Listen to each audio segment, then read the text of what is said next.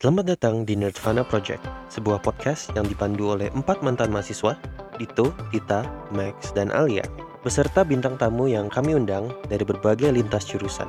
Di sini, kita bakalan banyak berbicara tentang kehidupan kampus, seperti fase-fasenya, dinamikanya, dan yang paling penting, bagaimana caranya buat kalian bisa survive di kehidupan kampus yang penuh kejutan. So, enter the world of Nerdvana, your uni life diorama. Halo pendengar setia Nerdvana, Nerd People. Selamat datang kembali di Nerdvana Podcast tentunya. Uh, masih bersama gue, Max, dan tentunya hari ini gue tidak akan sendiri karena kita akan ada narasumber untuk membahas sebuah fenomena yang terjadi di di antara Gen Z atau uh, generasi Z ya. Nah, gue akan mewakili perbatasan nih, perbatasan antara uh, milenial dan Gen Z tapi um, gue juga kurang ini sih kurang banyak terekspos dengan perkembangan-perkembangan uh, yang terjadi di antara Gen Z ini. Jadi gue uh, mungkin mau tanya lebih ke perwakilan uh, Gen Z di antara uh, member-member Netpana tentunya kita hari ini ada Alia. Hai Alia Halo people, kembali lagi bersama saya Alia sebagai perwakilan dari Gen Z yang kebetulan saya juga paling bocil di sini kelahiran tahun 2001. Oh 2001 ya? Iya.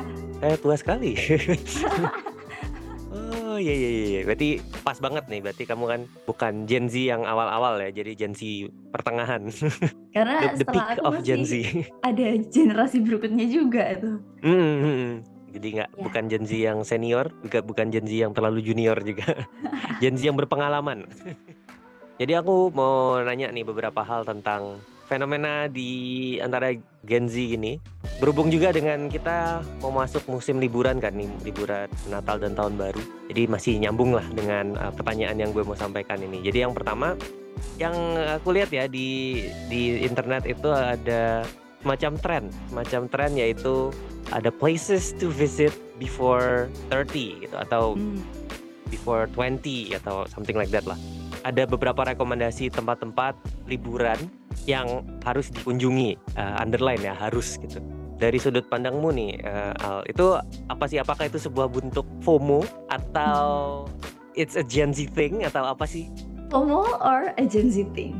I think It's both ya, karena uh-huh. satu FOMO is a part of the Gen Z culture. Okay. Karena FOMO itu udah jadi uh, bagian dari budayanya Gen Z yang dikit-dikit FOMO. Uh-huh. Kamu belum ke sini FOMO, kamu belum pernah cobain jalan-jalan ke sini FOMO.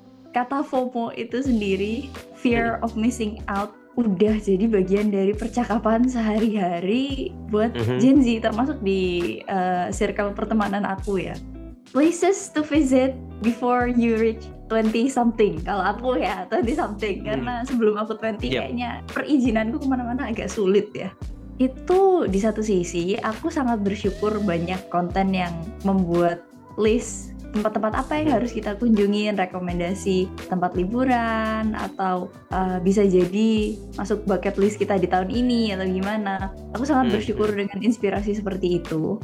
Tapi di satu sisi hmm, FOMO-nya juga mengerikan gitu. Oke, okay, kalau cuman places to visit for your holiday, buat liburan hmm. kamu harus ke sini ke sini ke sini. Tapi yang ngeri itu kalau udah sampai ke konten sebelum kamu berumur, misal nih ya 25, kamu uh. harus sudah pernah misal ke luar negeri, ke Jepang, studi lanjut, harus udah punya income segini. Nah, konten-konten kayak gitu yang ngeri.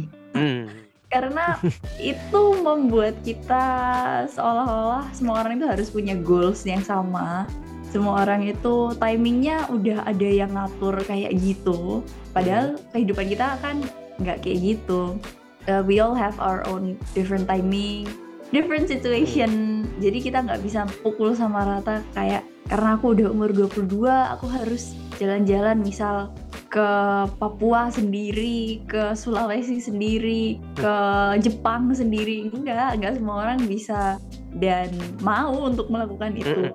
Aku umur 22 nih tahun ini. Dan ya aku sangat nyaman dengan jalan-jalanku yang cuman uh, di sini aku keliling Jawa Timur atau kadang-kadang ya main ke Jakarta itu kalau bener-bener ada keperluan yang yang ya sangat memerlukan aku ke sana uh. gitu nggak semuanya enjoy buat traveling ke sana kemari. Tapi Mhm. karena ada tren FOMO ini, itu Mhm. membuat kita sedikit tertekan dan rasanya kayak bener-bener fear of missing out. Kita Mhm, ketinggalan mhm. zamankah? Kita ketinggalan topik atau ide dibandingin teman-teman atau circle kita dan itu bisa sampai membuat kita ngerasa rendah diri dan merasa kalau value kita itu nggak setara dengan teman-teman kita. Itu sih Hmm. ngerinya tren FOMO di Gen Z. Oke oke oke. Menariknya sih sebenarnya fenomena FOMO ini menurut gue sih bisa terjadi di generasi apa pun ya termasuk eh, milenial gitu. Cuma kita mungkin dulu nggak ada labelnya. Tapi untuk kefomoan itu ada sih kayak dulu zaman sekolah masih ingat tuh. Zamannya tuker-tukeran kertas binder. Oh iya, ya, ya ada. Ya itu kan kayak semuanya harus gitu kalau kalau enggak kayak nggak ada temennya gitu. Terus eh, mungkin juga zaman SMP apa ya dulu ya ada gelang yang yang katanya bisa meningkatkan keseimbangan iya iya, power balance, power balance. power balance atau apalah itu. itu kan juga dulu kayak semuanya harus punya gitu biar keren. Di setiap generasi mungkin ada ya fenomena semacam ini di uh, di usia-usia ya sekitar ini uh, awal remaja sampai uh, mungkin early 20s ya. Cuma sekarang mungkin dengan adanya sosial media kan, jadi paparannya lebih banyak. Hmm. Kalau misalnya di generasi sebelumnya mungkin FOMO-nya itu mulai dari hal yang kecil-kecil gitu ya. Tapi Hmm, kalau hmm. sekarang karena sosial media tadi itu FOMO termasuk gaya hidup dan goals hidup pun rasanya tuh kayak udah ditentuin jadinya sekarang. Ah, ah, ah, ah. Kalau misalnya di millennials kan I don't think kalau jalan hidup itu sampai kamu harus begini sebelum umur 20 something, Hmm. sebelum umur 30 dan mungkin karena internet ya. Internetnya belum se seganas sekarang gitu. agak ironis sih karena kita dulu di millennials atau yang sebelumnya lagi kebanyakan goals kita itu di macam didikte oleh generasi atas kan misalnya Hmm. orang tua atau mungkin dari kakek nenek gitu nah sekarang kan istilahnya untuk generasi parents yang sekarang mereka lebih fleksibel ya tapi sekarang kayak Gen Z-nya tuh bikin standar mereka sendiri gitu jadinya Iya. Iya, sering kali kayak gitu. Dan standar itu dikonstruksi oleh lingkungan sosial dan belum tentu dari datangnya itu dari diri sendiri gitu. Hmm. Ada yang cuman ikut-ikutan, ada yang cuman ah, ya yang penting aku punya goals gitu. Nggak dipikirin apakah ah, masing-masing individu itu sebenarnya enjoy dengan kegiatan itu. Ya karena apa? Hmm. Karena FOMO tadi. Bahkan liburan yang harusnya menyenangkan aja eh, liburan dilaksanakan sebagai sumber konten gitu. Aduh, Hmm. udah hilang deh enjoynya kalau udah tujuannya buat cari konten. Padahal kita butuh buat healing gitu. betul betul betul nah healing tuh juga istilah yang marak kan Hmm. Gen Z. Berarti sekarang FOMO-nya adalah untuk mengunjungi tempat-tempat kan, baik itu yang di sekitar atau yang jauh-jauh. Nah, menurutmu ini ada hubungannya sama pandemi nggak sih kayak post pandemic euforia gitu? Jelas ada sih, karena aku sendiri juga kayak gitu. Pas uh, selesai pandemi waktu itu, oh enggak sih, waktu itu awal-awal pandemi tapi Indonesia itu belum belum yang kayak bener-bener Hmm, dalam lockdown gitu loh. Kita cuman study from home karena waktu itu aku Hmm. masih mahasiswa ya, kita study from home bukan work from home. Jadi fleksibel sekali mau sambil mantai, mau sambil jalan-jalan itu nggak seven days a week ya lima hari seminggu terus tugasnya banyak gak karu-karuan akhirnya kita punya kesempatan buat jalan-jalan visiting places itu sangat menjadi euforia ketika awal pandemik dan setelah lockdown itu selesai mhm, dan sekarang karena ya satu kita kelamaan work from home, study from home, orang jadi lebih nyaman buat work from everywhere gitu. Mereka kesenangan Hmm. buat jalan-jalan.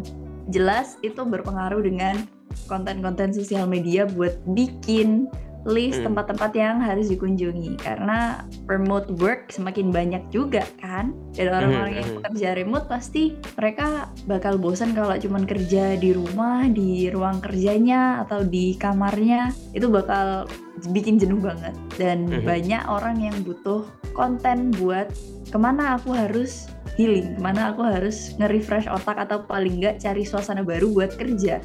Pasti itu akan mempengaruhi algoritma TikTok, Instagram, Twitter, dan lain sebagainya buat bikin dan menunjukkan places to visit, places for holidays, places for working from home, remote jobs, dan lain-lain. Jadi emang sengefek itu post pandemic euforia ke Hmm. kebiasaan kita semua, nggak cuma Gen Z ya. Aku ngerasain di Mhm. generasi atasku, entah saudaraku, keluargaku juga kayak gitu. Pasti kayak tiap minggu tuh, yuk kita ke sini yuk, yuk kita ke sini yuk. Perasaan dulu nggak kayak begitu. Iya, mungkin ada perasaan juga kayak takut nih, ntar tiba-tiba ada lagi nih, ada lagi nih. Hmm, Iya, mungkin ya mungkin. Mhm. Ya sama kayak FOMO sih, fear of missing out. Mumpung masih bisa gitu kan, mumpung masih Iya. bisa. Oke. Berarti itu ada nilai plusnya juga nggak sih? Kayak jadi lebih menghargai waktu dan kesempatan buat bisa traveling sama keluarga gitu. Yang padahal dulunya kita diajakin traveling, oh sorry gue nggak bisa nih gue lagi sibuk. Terus sekarang, oh ya udah yuk yuk yuk mumpung lagi bisa mumpung bisa. Emang begitu. Biasanya baru terasanya kalau udah nggak ada itu baru kita ngerasa Anjay. something's missing gitu.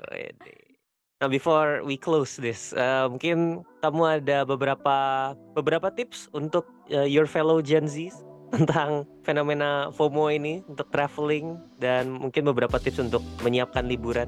Okay, so before our holiday begins, my friends, jangan lupa bahwa nomor satu kebahagiaan kalian itu yang paling penting daripada FOMO.